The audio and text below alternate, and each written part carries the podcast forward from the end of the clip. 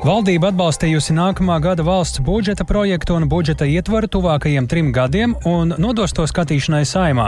Galvenās prioritātes - drošība, izglītība un veselība. Kā valsts galveno finanšu dokumentu vērtē fiskālās disciplīnas padome, par to jau pēc brīža raidījumā pēcpusdiena plašāk. Zolitūdas traģēdijas upuru piemiņas vietu plānots pabeigt 2025. gada pavasarī. Šī brīža būvlaukums pārtaps atceres dārzā ar mākslas objektiem. Kā izskatīsies šī vieta un kā to vērtē iedzīvotāji. Un vai Latvijā nākamgad notiks Parīzes Olimpisko spēļu kvalifikācijas grupu turnīrs basketbolā? Lai uz to pretendētu, valdība atvēlējusi 2,7 miljonus eiro. Arī par to visu plašāk redzējumā pēcpusdienā kopā ar mani Tāli Eipuru.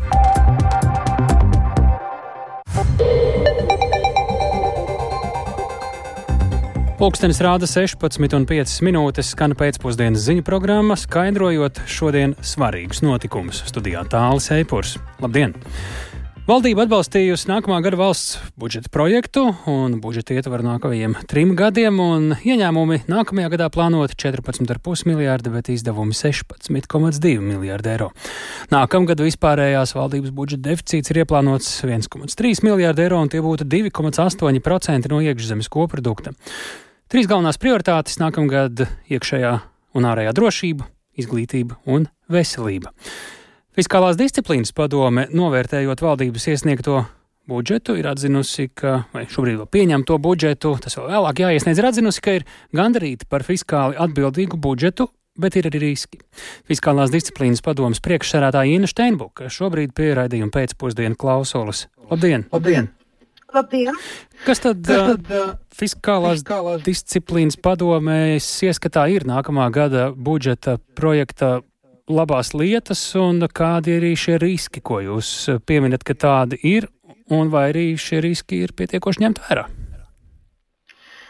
Paldies par jautājumu. Mēs esam kā padome, fiskālas disciplīnas padome, ļoti gandarīti par to, ka valdība uztur uh, fiskālas uh, disciplīnas uh, stratēģiju arī nākamajā gada budžeta un arī vidējā termiņā.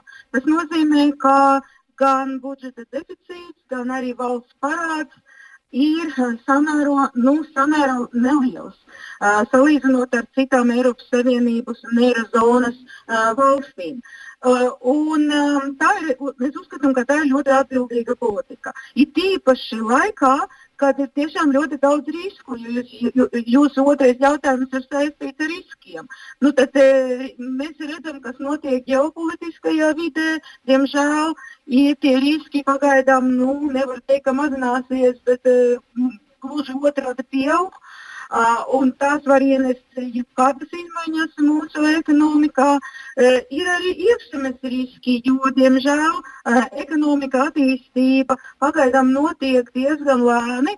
Nu, tas nav brīnums, jo pārdzīvojam divas krīzes. Un, ja piemēram Latvijā nākamgad, ne šogad, šogad ir sagaidāms uh, nu, iekšzemes koprodukta pieaugums ļoti, ļoti nosacīts ap nulli, nu varētu būt 0,5. Bet salīdzinājumā Vācijā tas ir mīnus 0,6, ko viņi sagaida. Tā kā mēs jau esam pat labāki nekā Vācija, bet e, jāņem vērā, ka mēs atpaliekam absolūtos skaitļos, jo iekšzemes koprodukts uz vienu iedzīvotāju un ienākumu uz vienu iedzīvotāju mums, protams, ir daudz zemāki. Lūk, tā kā mums ir nepieciešami straujāki izaugsmes tempi, tā ir skaitā, lai iekasētu pietiekoši daudz nodokļus, lai būtu budžeta, ar ko kas sāk finansēt visus izdevumus. E, ir arī citi riski, kas ir saistīti ar. Um, ar um, Vēl ir ģeopolitika. Kā lūdzu? Vēl ir lielā ģeopolitika. Nu, es saku, te ir gan ģeopolitika, gan arī iekšzemes lietas. Es saku, ka mums vajag veicināt pieaugumu. Un, lai tā būtu eh, to ar nodokļiem apliekama tā ir pieauguma attiecīgi. Mums ir zema eh, produktivitāte, mums ir nepietiekoša konkurētspēja. Tas ir viss, ar ko mums ir eh, jācīnās turpmāk.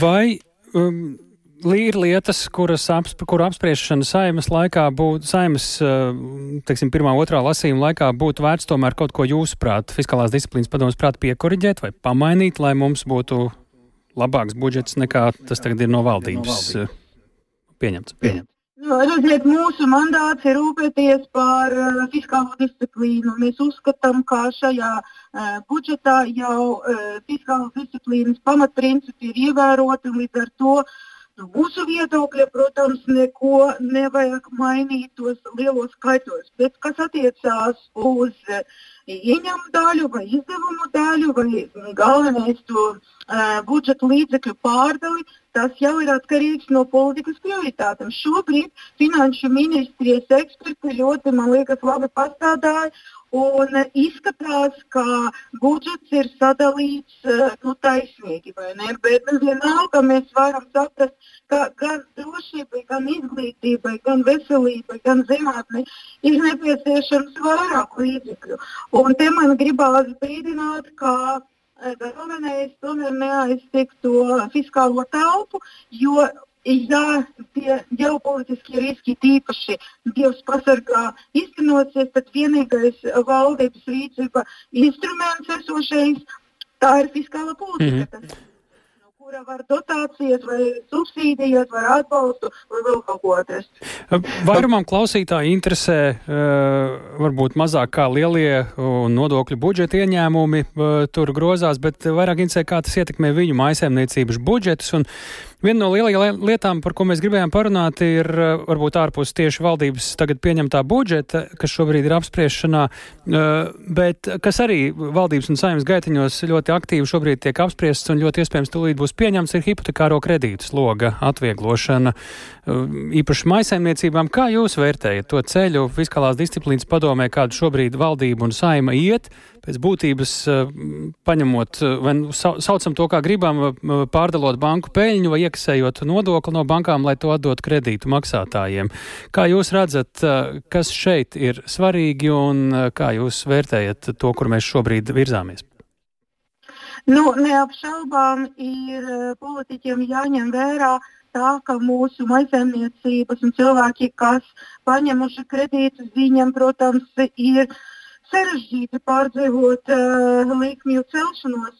Šobrīd mēs savā uzraudzības ziņojumā, kurš tika iesniegts vienlaicīgi ar budžetu, iezīmējām četras politikas iniciatīvas, kuras šobrīd tiek apsvērtas. Jā, pirmais ir finanšu sektoram noteikti avansa maksājums no peļņas, ja 20% no iepriekšējās gada peļņas, un tas jau ir iestrādāts vai ne. Uh, tātad otrais ir, uh, ka Altum dot papildus garantijas sociāli mazāk aizsargāt privātiem kredītņēmējiem, un uh, to var noteikti atbalstīt. Tad vēl ir divas institīvas, kuras pagaidām nevar saprast, kura no tām tik pieņemta. Tad, tad ir noteikti kredīti iestādēm par pienākumu uz ierobežotu laiku samazināt procentu likmes vai ieguldītāja kredītņēmēja aizsardzības nodevu, kura maksātu bankas. Nu, manā skatījumā tā nodeva varētu būt labākais variants, tāpēc ka nav nu, teiksim, mazināja iespēju bankām tiesāties ar valstīm. Mēs, kā fiskālās disciplīnas padome, protams, mums ir uztraukums par to, ka ja būs tiesvedība pret valstī un nevar saprast, ar ko tas beigsies, un ja teiksim, valst, valdībai būs jāmaksā, valstī būs jāmaksā tam bankām pēc tam, kas saka, soda nauda nu, tad tas būs, tā, tā būs liela nauda no budžeta, kuru var novirzīt uh, pavisam citiem mērķiem. -hmm. Līdz ar to vajag mazināt šo iespēju. Es ceru, ka juristi pie tā piestrādās un, un atradīs pareizo ceļu, kurš no tiem variantiem ir pieņemams uh, mazamniecībām, bankām un arī valdībai, ja visiem. Bet kas attiecās uz to avansa maksājumu no peļņas, tas varbūt uzreiz maisaimniecībām neko nedos, bet tā būs papildus, tie, tā ir papildus, papildus budžeta ienākumi, kuri būs sadalīti visas sabiedrības labā. Sakām lielu paldies Fiskālās disciplīnas padomas priekšsēdētājai Inai Steinbukai. Un par bankām turpinot, lai veicinātu konkurenci kreditēšanas jomā, finanšu institūcija Altum varētu tikt pārveidot par Latvijas attīstības banku. Šāda ideja izskanējusi debatējot par atbalstu kredītņēmējiem procentu likmju strauja kāpuma apstākļos. Latvijas banka un finanšu ministrija šo ideju nenoraida, taču aicina rūpīgi izvērtēt, ko Altuma kā attīstības finanšu institūcija varētu darīt vairāk. Klausāmies Jāņa Kīņša ierakstā. Neapmierinošā situācija kreditēšanā gan tautsēmniecībā, gan privātpersonām liek domāt, kā veicināt konkurenci finanšu tirgū. Attīstības finanšu institūcijas altuma iespējama funkciju paplašināšana nav jauna ideja. To ekonomikas ministrija rosināja apspriest vēl iepriekšējās valdības laikā.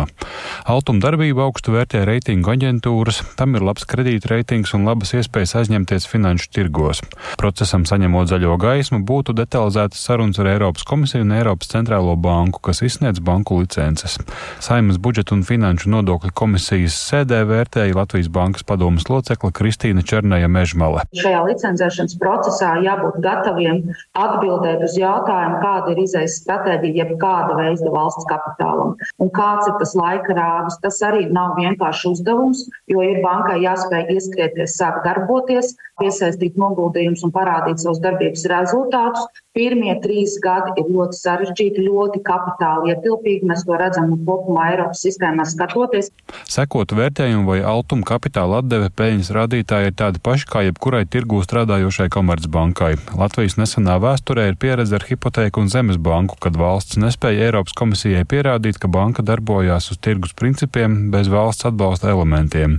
Šo banku sadalīja pirms desmit gadiem beidz arī tās komercdarbību. Bankas struktūra vienība ar nosaukumu turpina turpināja darbu ar valsts atbalsta programmām, finansējot mazo un vidējo uzņēmumu attīstību. Iespējams, scenārijs būtu arī turpināt iesākto, paplašinot atbalsta pasākumus, norādīja Finanšu ministrijas valsts sekretāra vietniece finanšu politikas jautājumos Līga Kļaviņa. Līdz ar to varbūt vēl viens elements, ko ir svarīgi apspriest, ko šobrīd jau Altums esošā mandāta ietveros var darīt, paplašinot iespējams agresīvāk šo atbalsta sniegšanu, vairāk orientējoties uz tām jomām, kur ir šīs tirgus nepilnības, mazie vidējie uzņēmumi. Un te varbūt ir vairāk jāskatās uz tiešo kreditēšanu, ne tik daudz uz garantijām, kas arī, protams, ir viens no altumdarbības modeļiem. Eiropas valstīs pieredzes stāsti ir dažādi. Altuma līdzīgas finanšu attīstības institūcijas darbojas Somijā, Polijā, savukārt Vācijā, Čehijā, Ungārijā, Slovenijā, Grieķijā, Portugālē un citās Eiropas valstīs rodams attīstības bankas modelis, uzskaitīja Altuma vadītājs Reins Bērziņš.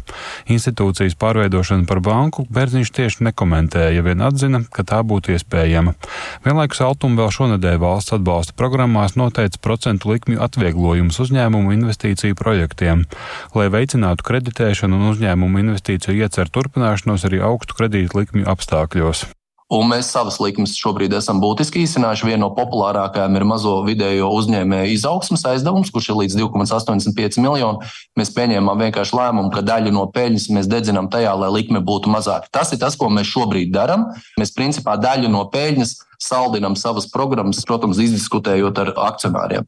Ar piebildu, ka šis ir tikai sarunas sākums, Saimnes budžeta komisija nolēma tuvāko nedēļu laikā izskatīt Altuma akcionāru, trīs ministriju pārskatu par citu Eiropas valstu pieredzi attīstības aģentūru darbībā un arī ceļakārti Altuma iespējamai pārveidēji par banku. Jānis Kincis, Latvijas radio. Ne tikai ekonomiskie izaicinājumi šobrīd ir aktuāli, šobrīd plašumā turpina vērsties arī dezinformācija un Kremļa propaganda. Krievijā uzmanību piesaistījis sakāpinātais notikuma atspoguļojums par izglītības metodēm Jēlgavas novada Ānes bērnu dārzā. Izglītības iestāde ir saņēmusi apvainojumus, ka bērnus pazemojot Krievu valodas lietošanas dēļ. Bērndārs par to jau ir vērsies policijā un valsts drošības dienestā, vainojot Jelgavas pilsētas deputātu no Latvijas Krievijas Savienības. Vairāk par situāciju zina stāstīt uh, mūsu kolēģi Paula Dēvids. Viņa mums pievienojas studijā. Sveika, Paula! Uh, Pastāst vairāk par notikušo un vai ir jau arī saņemts kāds atzinums no uzraugošajām iestādēm? Sveiks, tāli, labdien arī klausītāji. Jā, tad, tad pastāstīšu, ka šobrīd Jelgavas novadā pašvaldības izglītības pārvaldei ir aizdoms par konkrētu politisku partiju pārstāvju apzināti veidotu dezinformācijas kampaņu. Pamatā tā ir ņemtas izglītības metodas Ānas bērnu dārzā, kur šobrīd aktīvi notiek darbs pie tā, lai bērni pierastu ikdienā sazināties latviski. Un uh, sākotnēji neapmierināti bija daži vecāki, bet pēc tam aktivizējies kāds Jelgavas pilsētas domas deputāts Andrejs Pagors no Latvijas Krievijas Savienības, kurš par izglītības metodēm ievietojas saturu savos sociālajos medijos. Savukārt tālāk jau tos uh, savos raidījumos izmantoja Krievijas propagandas kanāli. Un tad tas vēstījums ir tāds, ka bērniem par uh, nejauši pateiktiem vārdiem uh, Krievu valodā liek pietupties vai izdarīt kādu fiziku fizisko aktivitāti, it kā tas būtu sots, uzsverot, ka attieksme, šāda attieksme pret bērniem ir pazemojoša. Un šo situāciju izvērtēja bal, valsts bērnu tiesība aizsardzības inspekcijā un uh, valsts bērnu tiesība aiz, aizsardzības departamenta direktora Iveta Brīnuma stāsta, ka fundamentāli pārkāpumu bērnu dārza darbībā nav šobrīd saskatīti. Paklausīsimies, ko viņi saka ir kaut kādi konkrēti diskutējami gadījumi, kad varbūt bišķiņ pāri robežām vai kāds kāda nav sapratis, bet, nu, kas mums likās arī būtiski, ka mums arī stāstīja, ka, un arī pārējie bērnu vecāki, cik saprot, apliecina to, ka par viņiem ir ticis runāts, un ka šādas metodes, tā teiksim, kaut kāda fiziskas kustības izpildīšana, tur ir dažādas kustības, bērni ir vienojušies grupā, bērni jau arī ir uh, diezgan uh, tādā apzinātā vecumā tomēr, un uh, mēs uzsveram to, ka ir bērni veido grupā savu mazo mikrokosmosu, un ka tas būtu arī adekvāti. Jā, un šobrīd esam arī saņēmuši informāciju no policijas un valsts drošības dienesta, ka tātad iesniegumi ir saņemti gan no bērnu dārza, gan no pašvaldības, un tas šobrīd tiek vērtēts, un pirms tam drošības iestādes no komentāriem atturs. Tāli. Jā, Paula, vai bērnu dārzā līdz ar šo visu arī domā, vai būtu kas jāmaina tajās metodēs, kā viņi strādā ar bērniem, un ja jāmaina, tad kas? Jā, tātad bērnu dārzā Latvijas radio uzsver, ka principā šī, šī konkrēta aktivitāte notika tādas pašvadītas bērnu darbības ietvaros, kas ir. Uh, principā metodi, kas ir jaunā satura sastāvā. Un tātad paši bērni ar skolotājiem vienojas par to, kā šīs mācību dienas tiek aizvadītas, un arī šī konkrētā aktivitāte bija tāda, par ko bērni bija piekrituši piedalīties. Un, jā, šajā tātad bija vienošanās, ka šajā procesā iesaistīs fiziskas kustības, lai atgādinātu izmantot latviešu valodu, taču tās netika izmantotas kā sots. Un to secināja arī izglītības kvalitātes valsts dienestā, tālāk skaidro uzraudzības departamenta direktora vietnieks Maksims Platonovs no sniegtās informācijas izvērtējumu mēs sapratuši esam to, ka tā ir pašu bērnu iniciēta aktivitāte, kas kalpo gan kā atgādinājums, gan kā rosinājums atcerēties un pārslēgties sarunās uz uh, valsts valodu. Un um, vecāki par to ir informēti. Nu, iespējams, ka nav bijusi veiksmīga komunikācija. Tad pašlaik pārkāpumi bērnu dārza mācību metodēs nav konstatēti. Uzraugošās iestādes apstiprina, ka iespējams pie šīs te vecāku neapmierinātības vainojuma neveiksmīga komunikācija, un IKVD uzsver, ka pēc šajā brīdī pieejamās informācijas var teikt, ka šī te Jelgavas valstspilsētas deputāta Andreja Pagora un tālāk jau arī Kremļa mēdī izplatītā informācija ir pārspīlējums un nav attiecinām uz reālo situāciju. Tāli. Paldies, Paula, tik tālu par situāciju ar Kremļa propagandu un vienu Latvijas bērnu dārzu. Bet cilvēkiem, kurus nomāca seksuālas domas un tieksmes pret nepilngadīgām personām, būs savs uzticības tālrunis. Valsts probācijas dienas sāka pilotu projektu konfidenciālu konsultatīvu tālruņa līniju, liekot lietā saukli, viens zvans var mainīt dzīvi ko tas īsti nozīmē. Un kā šis tālrunis darbosies, plašāk mums izstāstīs kolēģi Agnija Lazdiņa. Agnija, saki, kā tad uh, šis pilotprojekts darbotos, kāds tad sanāk tā mērķi? Labdien! Jā, tātad gadu valsts probācijas dienas strādā ar 300 līdz 350 dzimumu noziegumu izdarījušām personām. Tajā skaitā ar cilvēkiem, kuri izdarījuši šos nodarījumus pret bērniem, un lielākā daļa, jeb 90% dzimumu noziegumus izdarījušo personu atkārtotu nodarījumu nemaz neizdara. Tomēr šie 10% esot lielākais izaicinājums sistēmai, jo dienestiem ir nepieciešams laikus identificēt šīs personas un tādā veidā novērst novērst atkārtotu nodarījumu. Līdz ar to pilotprojekta galvenais mērķis ir izveidot tālruņa līniju, kas eh, varētu laikus novērst bērnu seksuālu izmantošanu. Bet eh, kā tas darbosies? Tātad ar pusnakti vai ar 2. novembri darbosies tālruņa numurs, kas ir 258 030 030, uz kuru varēs zvanīt personas, kurus reiz vai tieši tajā brīdī nomāca seksuālas domas un tieksmes pret bērniem. Viņi varēs vienkārši piezvanīt uz šo numuru, kur telefona otrā pusē būs speciāli apmācīti konsultanti, kas strādā šajā jomā un kuri spēs konsultēt šos cilvēkus. Būtībā Būtībā šie cilvēki varēs pārunāt savas domas, jūtas vai emocijas, ko izjūt, un būtiskākais palikt anonīmi. Neviens neprasīs nosaukt vārdu, uzvārdu, tāpat arī netiks veikta kāda uzskaita. Taču, kā nozīmē eksperti, tas nekādīgi nenozīmē to, ka šis tālrunis ir veids, kā tiks veicināta vai slēpta dzimuma noziegumu darbība. Proti, ja, piemēram, persona atzīst, ka noziegums ir veikts, tad, protams, tiks ziņots un sekos tālākas darbības. Jāpiebilst, ka šo šo tālruni būs iespēja zvanīt arī citiem cilvēkiem, kas, piemēram, saskaras ar šo personu, kuru tādas domas vai tieksmes nomāc, piemēram, kāds tuvinieks vai ģimenes loceklis. Un uh, valsts probācijas dienesta vadītājs Imants Jurevičs uh, uzsver, ka šajā ziņā vēl, ir ļoti daudz, kas jādara, bet ir vairāk uz šiem cilvēkiem jāskatās kā tādiem, kuriem tā ir kā psihiski psihiskā veselības problēma, nevis vienkārši ļauna iegriba, kura viņiem pēkšņi ir radusies un ko viņi centīsies realizēt. Tie cilvēki ir tādi, kuriem ir nepieciešams palīdzēt, lai tas pirmais upuris nebūtu. Ne visi zvanīs uz šo tālruņa numuru, ne visi iestajā interneta lapā, protams, un meklēs palīdzību sev. Bet tas, ko mēs no savas pieredzes zinām, ka šādi cilvēki ir, un arī no mūsu sarunām ar mūsu klientiem, mēs uh, esam guvuši pārliecību, ka ja viņiem lielai daļai no šiem cilvēkiem būtu saulaicīgi bijusi iespēja saņemt atbalstu, viņi nebūtu izdarījuši to, ko viņi izdarīja.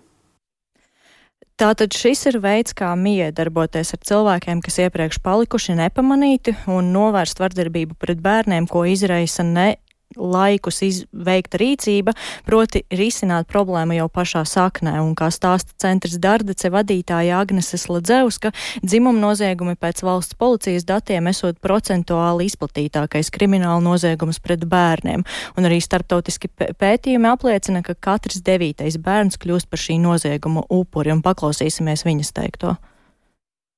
Bērni par to nerunā. Šo noziegumu atklāja salīdzinoši reti, bieži vien ļoti novēloti. Pārdarītājs lielākoties ir bērnam tuvs, labi pazīstams, svarīgs, nozīmīgs cilvēks, kam bērns uzticas. Tas var būt patēvs, kas visādi citādi ir mīļš un labs cilvēks. Tas var būt vectēvs, kurš cep pasaulē garšīgākās eh, kartupeļu pankūks. Ar šiem cilvēkiem bērnam ir īpašas un nozīmīgas attiecības. Šie pārdarītāji pārsvarā nav tie ļaunie, psihiski slimie svešinieki, kurus mēs savā iztēlē mēdzam stereotipiski uzzīmēt un dehumanizēt.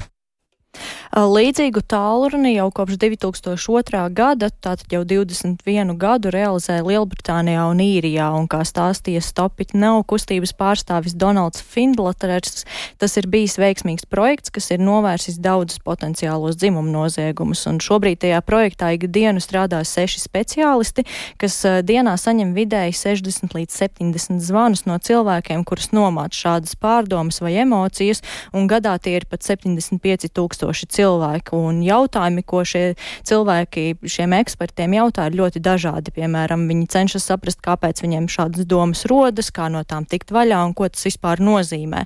Un arī citviet pasaulē ir līdzīga pieredze, kas bijusi tikpat veiksmīga, tāpēc arī Latvijā šādu pilotu projektu uzsāk, jo, kā norāda eksperti, tas var būt arī tikai viens cilvēks, kas piezvana, bet tā jau ir iespēja novērst kaut vienu potenciālu dzimumu noziegumu pret bērnu, jo nav jāgaida, kamēr cietīs kāds bērns. Problēma problēma ir jācenšas apturēt jau sākotnēji, un pats pilotprojekts šobrīd ilgs līdz šī gada beigām, taču pastāv iespēja, ka tas nākotnē turpināsies un būs kā tāds paliekošs tālrunis, uz kuru var zvanīt un vērsties pēc palīdzības. Šie cilvēki, kurus nomāca šāda veida seksuālas domas un tieksmes pret nepilngadīgajiem bērniem. Paldies! Tātad, kur var atrast šo numuru? Šobrīd sociālajos tīklos. Un droši vien valsts probācijas dienas Jā. jāmeklē ir un sāk darboties tas no pusnakts. Šīs dienas pusnakts. Paldies, Agnijai Lezdiņai. Mēs uh, ejam pie mūsu nākamā stāsta. Zoletodes traģēdijas upuru piemiņas vietu plānots uh, pabeigt 2025. gada pavasarī, tātad pēc pusotra gada.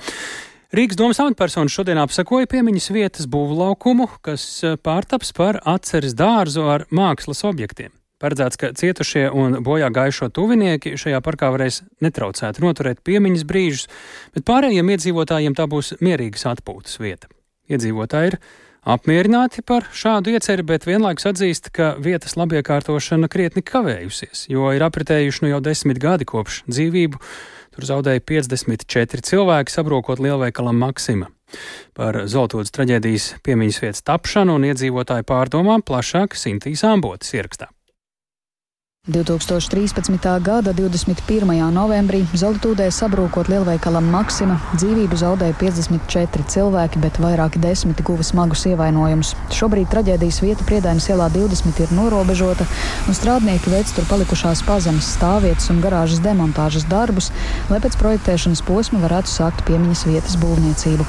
Pērn Rīgas doma metu konkursā izraudzīja Sijā Alpas ainavu darbnīca risinājumu, plānots veidot atceres laukumu un pārku ar apstādījumiem stāsta Rīgas domas pilsētas attīstības departamenta pārstāvis Dagnis Samausks. Būs arī mākslas objekti, spoguļveida sfēras, 54, kas simbolizē katru bojā gājušo. Tad no šī priekšlaukuma var tālāk aiziet uz šo viduscentra zonu, kas būs arī pacelta vieta, kur tiešām šī atcere ar, kā mēs viņu varam nosaukt par spoguli, kas būs, kā teikt, basēna tipa rezervārs, kur attiecīgi tiks piepildīts ar ūdeni, un ir šī saikne ar debesīm, attiecīgi spogulis, lai atcerētos par aizgājušajiem. Tā skaitā būs arī izveidota siena speciāla, kur būs arī pieminēti visi šie bojāgājušo cilvēku vārdi. Būs arī paredzēta vieta, kur varēs nolikt gan ziedus, gan svecus. Atceres dārza atklāšana paredzēta 2025. gada pavasarī. Šobrīd pie būvlaukuma izvietotas arī projekta vizualizācijas, kuras brīžiem izpēta arī garām gājēji.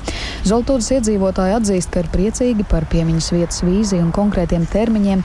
Vienlaikus cilvēki tomēr jau ilgstoši gaida vietas labiekārtošanu, un daļa aptaujāto sagaida arī kādu virzību ar līdzās esošo daudz dzīvokļu māju, kas nav pabeigta un ir neapdzīvota jau desmit gadus.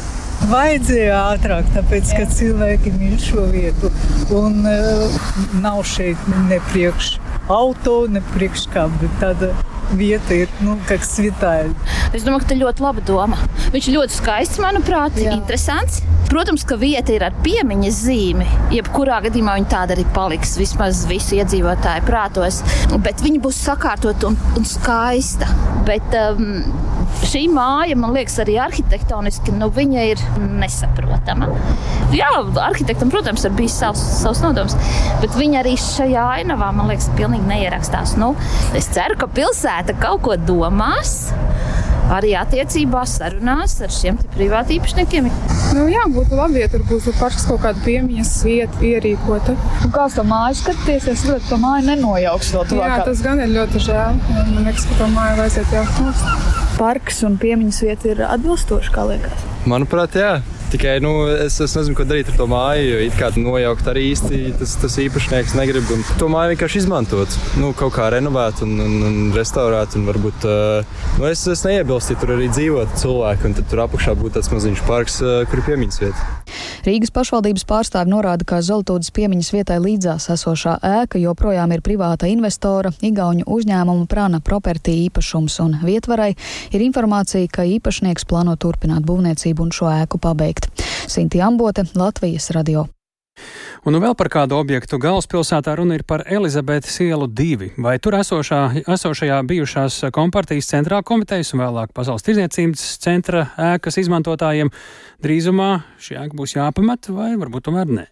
Pazīstami Latvijas mākslinieki Arhitekti, mūziķi, filozofi un dažādu citu kultūras jomu pārstāvji šodien pauda savu redzējumu, zinot, ka valsts nekustamie īpašumi šo ēku radošo profesiju pārstāvjiem lietošanā nodevuši, nodevuši tikai līdz 15. novembrim, ļoti drīz. Vietā, ko šobrīd dēvē par Rīgas laika kultūra telpu M māja, šodien bija pulcējušies eh, daudzi, tā skaitā, kas par Lielgalvas, Ulds, Tīrons, Valds Klēns, Gīns Gabrāns, daudz citi, un kopumā ēkā šobrīd iemitinājušies 15 dažādu profesiju pārstāvi, arī žurnāla Rīgas laiks redakcija, un te jāatgādina, ka savulaik bija iecerē, ka minētās ēkas vietā varētu tapt Rīgas akustiskā koncertzāle, bet vēlāk valsts akciju sabiedrība valsts nekustamie īpašumi Pieļauju, ka tā varētu kļūt par pirmo valsts eh, biroju, kurā varētu izvietot publiskā sektora iestādes no desmit citām adresēm. Un šobrīd esam sazinājušies ar raidījuma kultūras rondo kolēģi Māru Rozenbergu. Sveiki, Māra! Sveiki, tāli!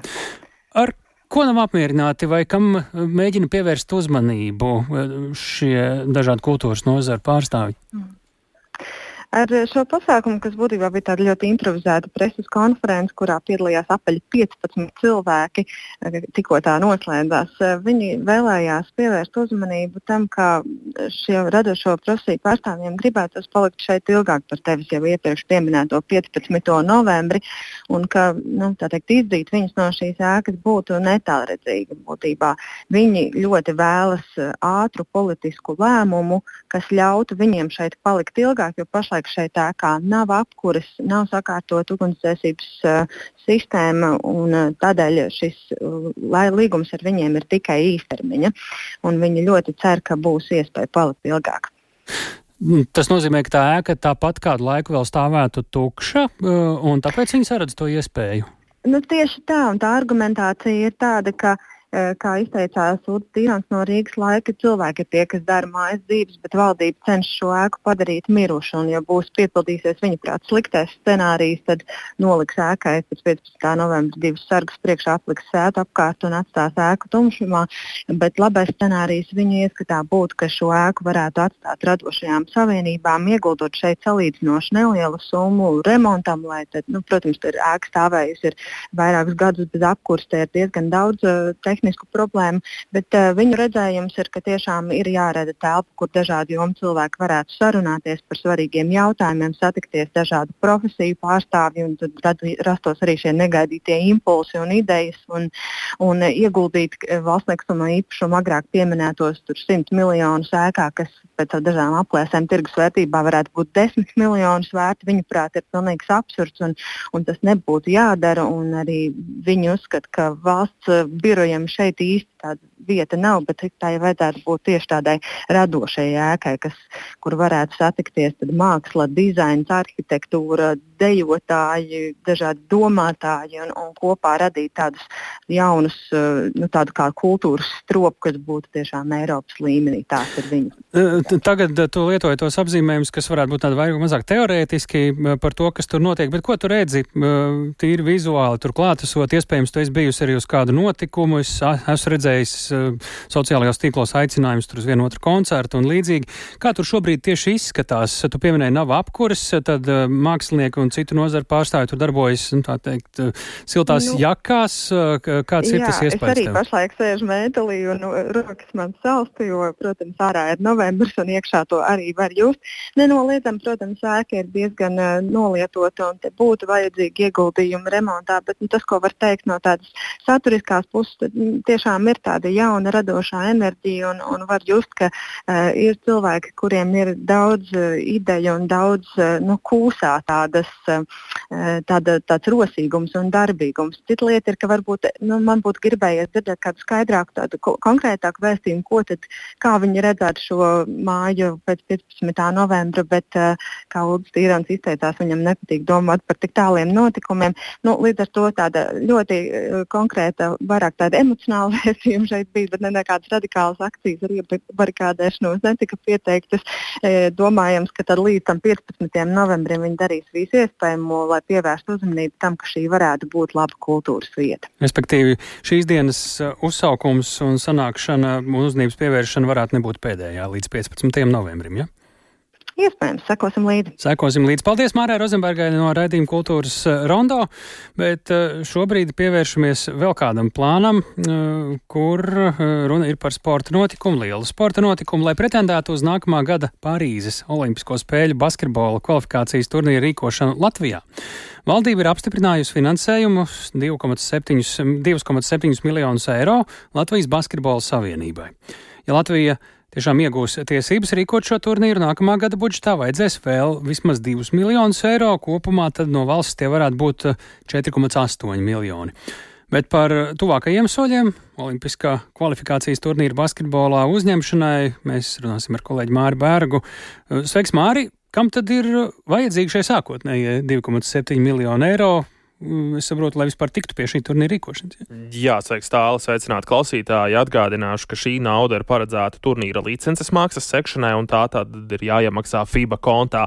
Te gan ir atkāpe, ka gadījumā, ja Latvija nesaņem tiesības rīkot olimpisko kvalifikācijas turnīru basketbolā, tad šī nauda tiek atgriezta atpakaļ Latvijai, un tā netiek pazaudēta. Protams, ja tiek saņemtas tiesības rīkot turnīru, tad sākas organizatoriskais darbs un attiecīgi nepieciešams papildus finansējums, tevis minētie aptuveni 2 miljoni eiro no valsts budžeta. Tas nozīmē, ka, eh, nu, cik es zinu, sakojot sportam, eh, ir kopumā vispār četri šādi kvalifikācijas Jā. turnīri, un tad no katra šī turnīra viena komanda tiek tālāk. Uzvarētāji, tikai uzvarētāji Jā. no katra turnīra. Jā. Tātad četras komandas cīnās par četrām olimpiskajām ceļzīmēm šajā kvalifikācijā. 24, 24 tāli. Uh, 24 komandas četros turnīros. Četras izcīnīs, jā.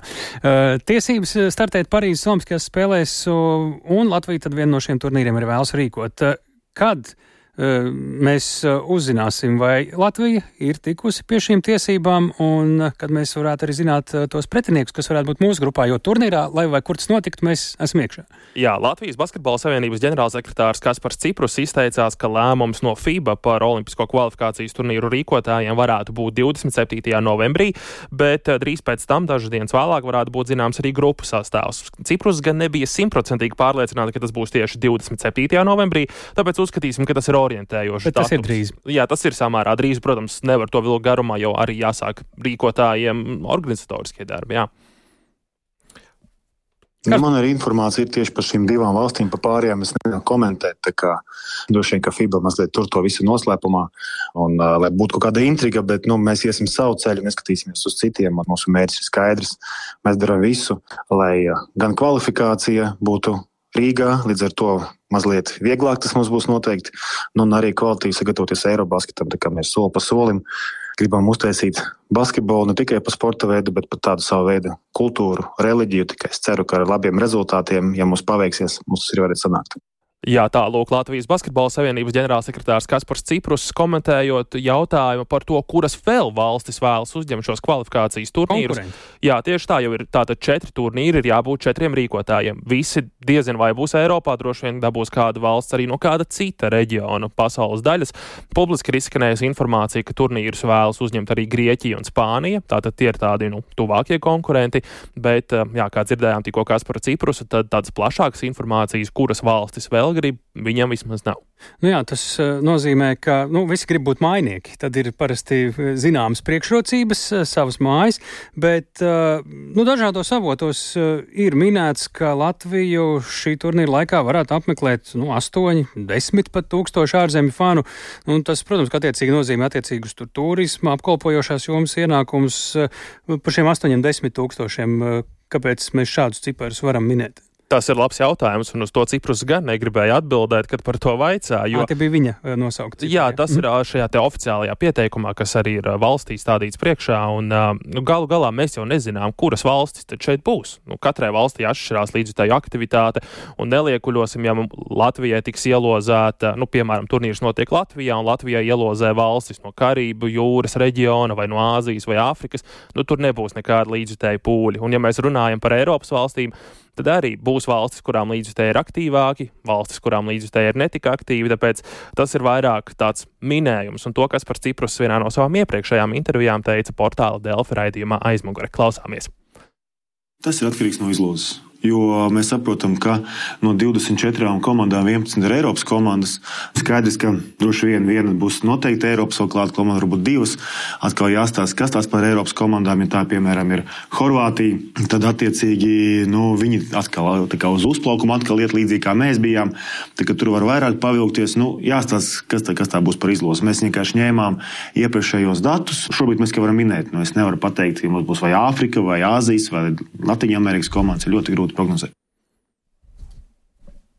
À, nu šeit mēs, protams, arī varam uh, diskutēt par to, cik mēs vispār varam piemērot iepriekšējo pieredzi no iepriekšējiem kvalifikācijas turnīriem, jo skaidrās, skaidrs, ka mainās valstis, kas šos turnīrus rīko, mainās arī komandas, kas spēlē, mainās atrašanās vietas, ekonomiskie faktori un visādas tādas lietas. Nu, par piemēru mēs varam paņemt 2016. gada kvalifikācijas turnīru, kur Latvija spēlēja Belgradā. Toreiz atceramies, Latvija netika uz Rio Olimpiskajām spēlēm. Nu, piemēram, Serbijas spēles skaidrs, tur bija izpārdots, tur viss kārtībā, bet apmeklētākā spēle bez Serbijas dalības Latvija Puertoriko. To maču apmeklēja 2700 cilvēku arēnā, kuras ietilpība ir apmēram 17,000. Līdz ar to tas, protams, mums arī dod ieskatu par to, kāds ir šo citu valstu līdzjutēju pieplūdums un cik arī interesanti galu galā ir vietējiem aiziet uz šīm spēlēm, jo nu, nu, nav noslēpums, citos turnīros Latvijas publika ir pietiekami kūtra, lai dotos uz šo citu valstu spēlēm. Paldies Mārim Bergam. Tātad gaidām ziņas iespējams novembra beigās vai līdzīgi, kad varētu notikt, vai varētu notikt, kur varētu notikt uh, Olimpiskais kvalifikācijas turnīrs, ja runājam tieši par Latviju un kas varētu būt pretinieki mums. Bet šobrīd sakām paldies, ka klausījāties Latvijas radio viens ziņu raidījumu pēcpusdienu to veidoja Tāls Eiburs, Ilza Aginta, Uldis Grīmbergs, Mārtiņš Paiglis. Šo raidījumu varat klausīties arī Latvijas radio mobilajā lietotnē, arī jums ērtā laikā ne tikai tiešraidē. Mēs tiekamies arī rīt kā katru darbu dienu pēc ziņām 4 un 5.